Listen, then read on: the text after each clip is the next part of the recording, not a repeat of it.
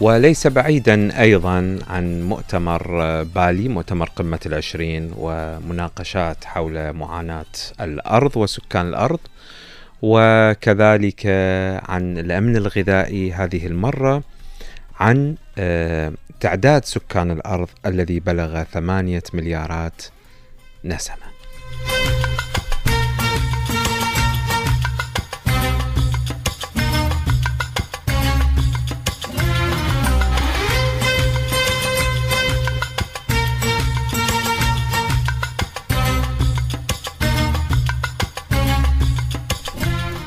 إذا آه هذا الضغط السكاني الهائل عالميا آه تسبب بضغط على موارد الغذاء عالميا وموارد الطاقة. لذلك اليوم عالميا أكو مشكلات في الغذاء وفي الطاقة. حقيقة مشكلات المناخ على الرغم من أهميتها.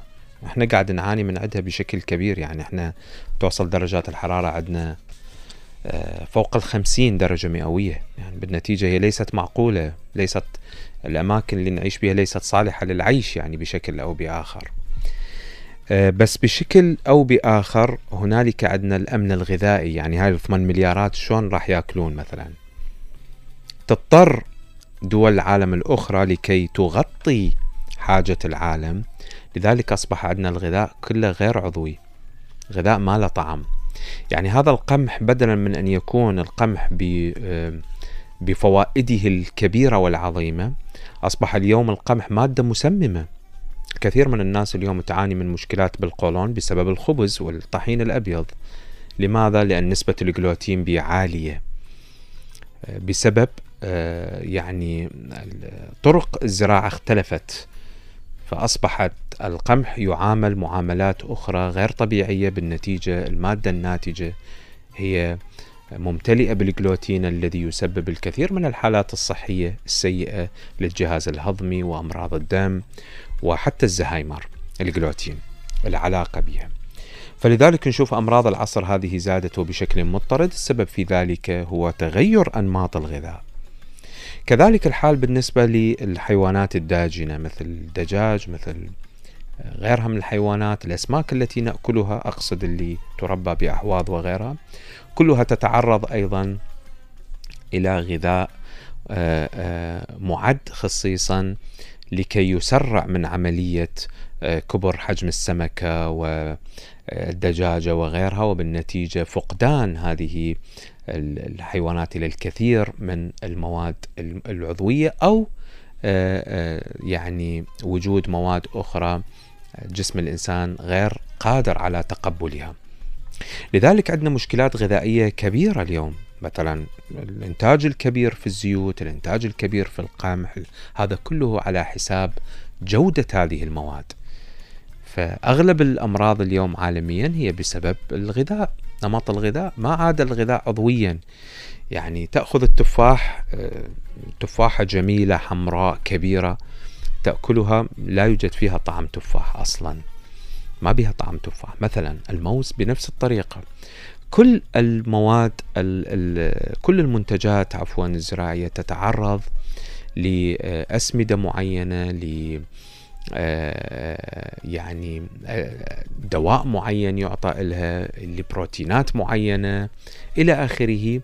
تجعل منها آه، منتج غير عضوي وغير سليم. ناهيك عن التلاعب الوراثي بالأغذية.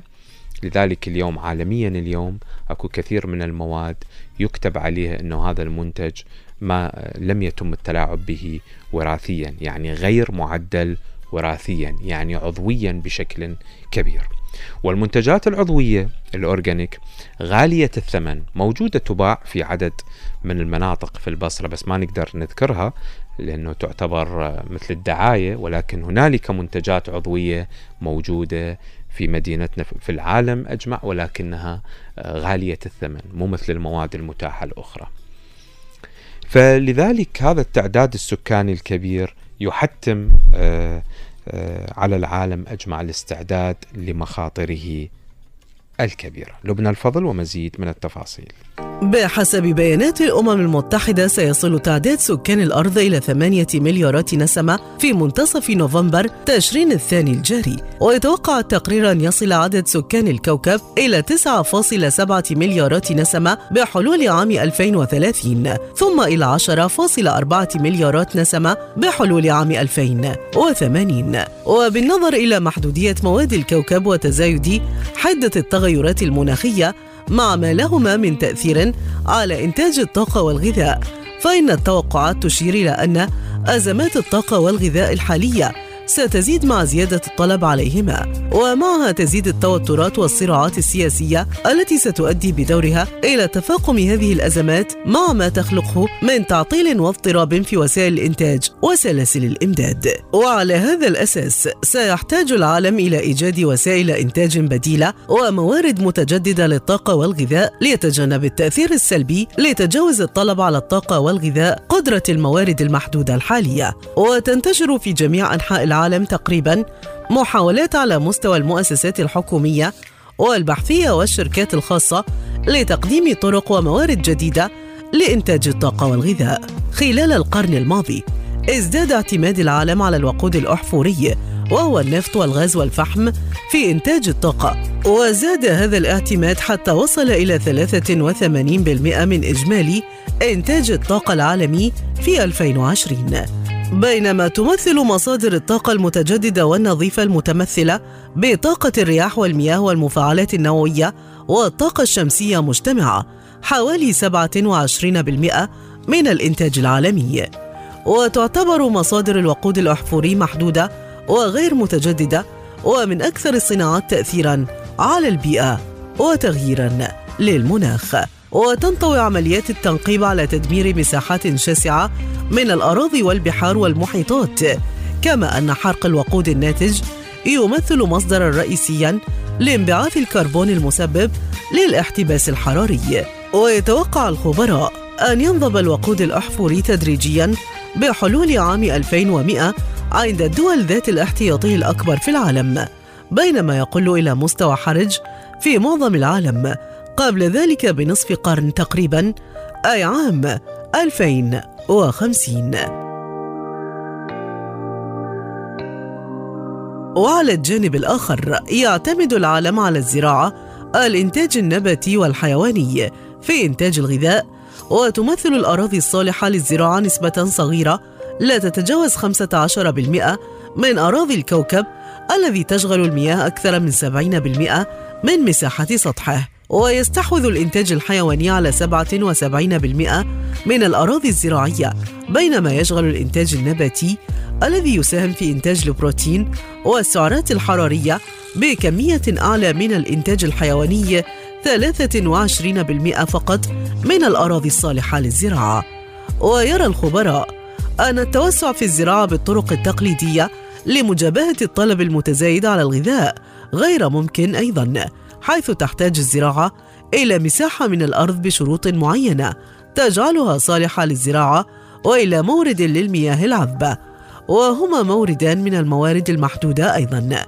كما ينتج عن المعاملات الزراعية التقليدية انبعاثات للكربون من الآليات الزراعية ومن فضلات المزرعة وحيواناتها كما تسهم الممارسات الزراعية الحالية في تجريف الأراضي من العناصر الغذائية وبالتالي إضافة كميات أكبر من المواد الكيميائية أسمدة ومبيدات تلوث التربة وتزيد من التأثير السلبي على البيئة. لذا بدأت تتعالى أصوات العلماء والخبراء المتخصصين منذرة باقتراب نضوب موارد الطاقة والغذاء وضرورة العمل على إيجاد موارد جديدة وتعددت الموارد التي اقترحها واختبرها العلماء لاستبدال أو دعم المصادر الحالية للطاقة والغذاء ففي مجال الطاقة ظهرت مصطلحات الطاقة النظيفة والطاقة الخضراء والطاقة الزرقاء لتعبر عن موارد متجددة للطاقة تكون غير ملوثة للبيئة ولا تسهم في زيادة انبعاث الكربون.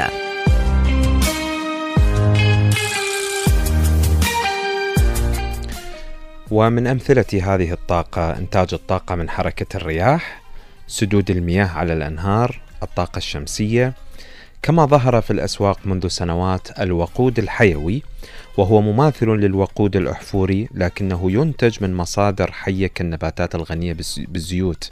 حتى الزيوت المهدرجة التي تنتج بكميات كبيرة عند الانتهاء منها في المطاعم الكبرى عالميا تستخدم كوقود. هذا يعني يحتاج لشرح حقيقة. على مستوى الغذاء أيضا اتجهت الأنظار إلى طرق زراعية غير تقليدية مثل المزارع الرأسية التي تشغل مساحات محدودة من الأراضي أو الزراعة الخلوية مثل استزراع اللحوم والنباتات معمليا واستخدام الكائنات الدقيقة مصدرا بديلا لإنتاج البروتين. كذلك الطحالب ظهرت كمجموعة من الكائنات المقترحة لإنتاج الوقود والغذاء. والطحالب هي مجموعة متنوعة من الكائنات الحية تقدر بحوالي 200 ألف نوع وتتميز بقدرة الكثير منها على التمثيل الضوئي مثل النباتات تنمو في جميع البيئات تقريبا. احتواء بعض أنواعها على نسب عالية جدا من الزيوت الطحالب وما يجعلها مناسبة لإنتاج الوقود الحيوي أو ما يسمى علميا بالديزل الحيوي. بالإضافة إلى احتواء البعض الآخر من نسب عالية من البروتين مما يجعلها مناسبة جدا لإنتاج الغذاء.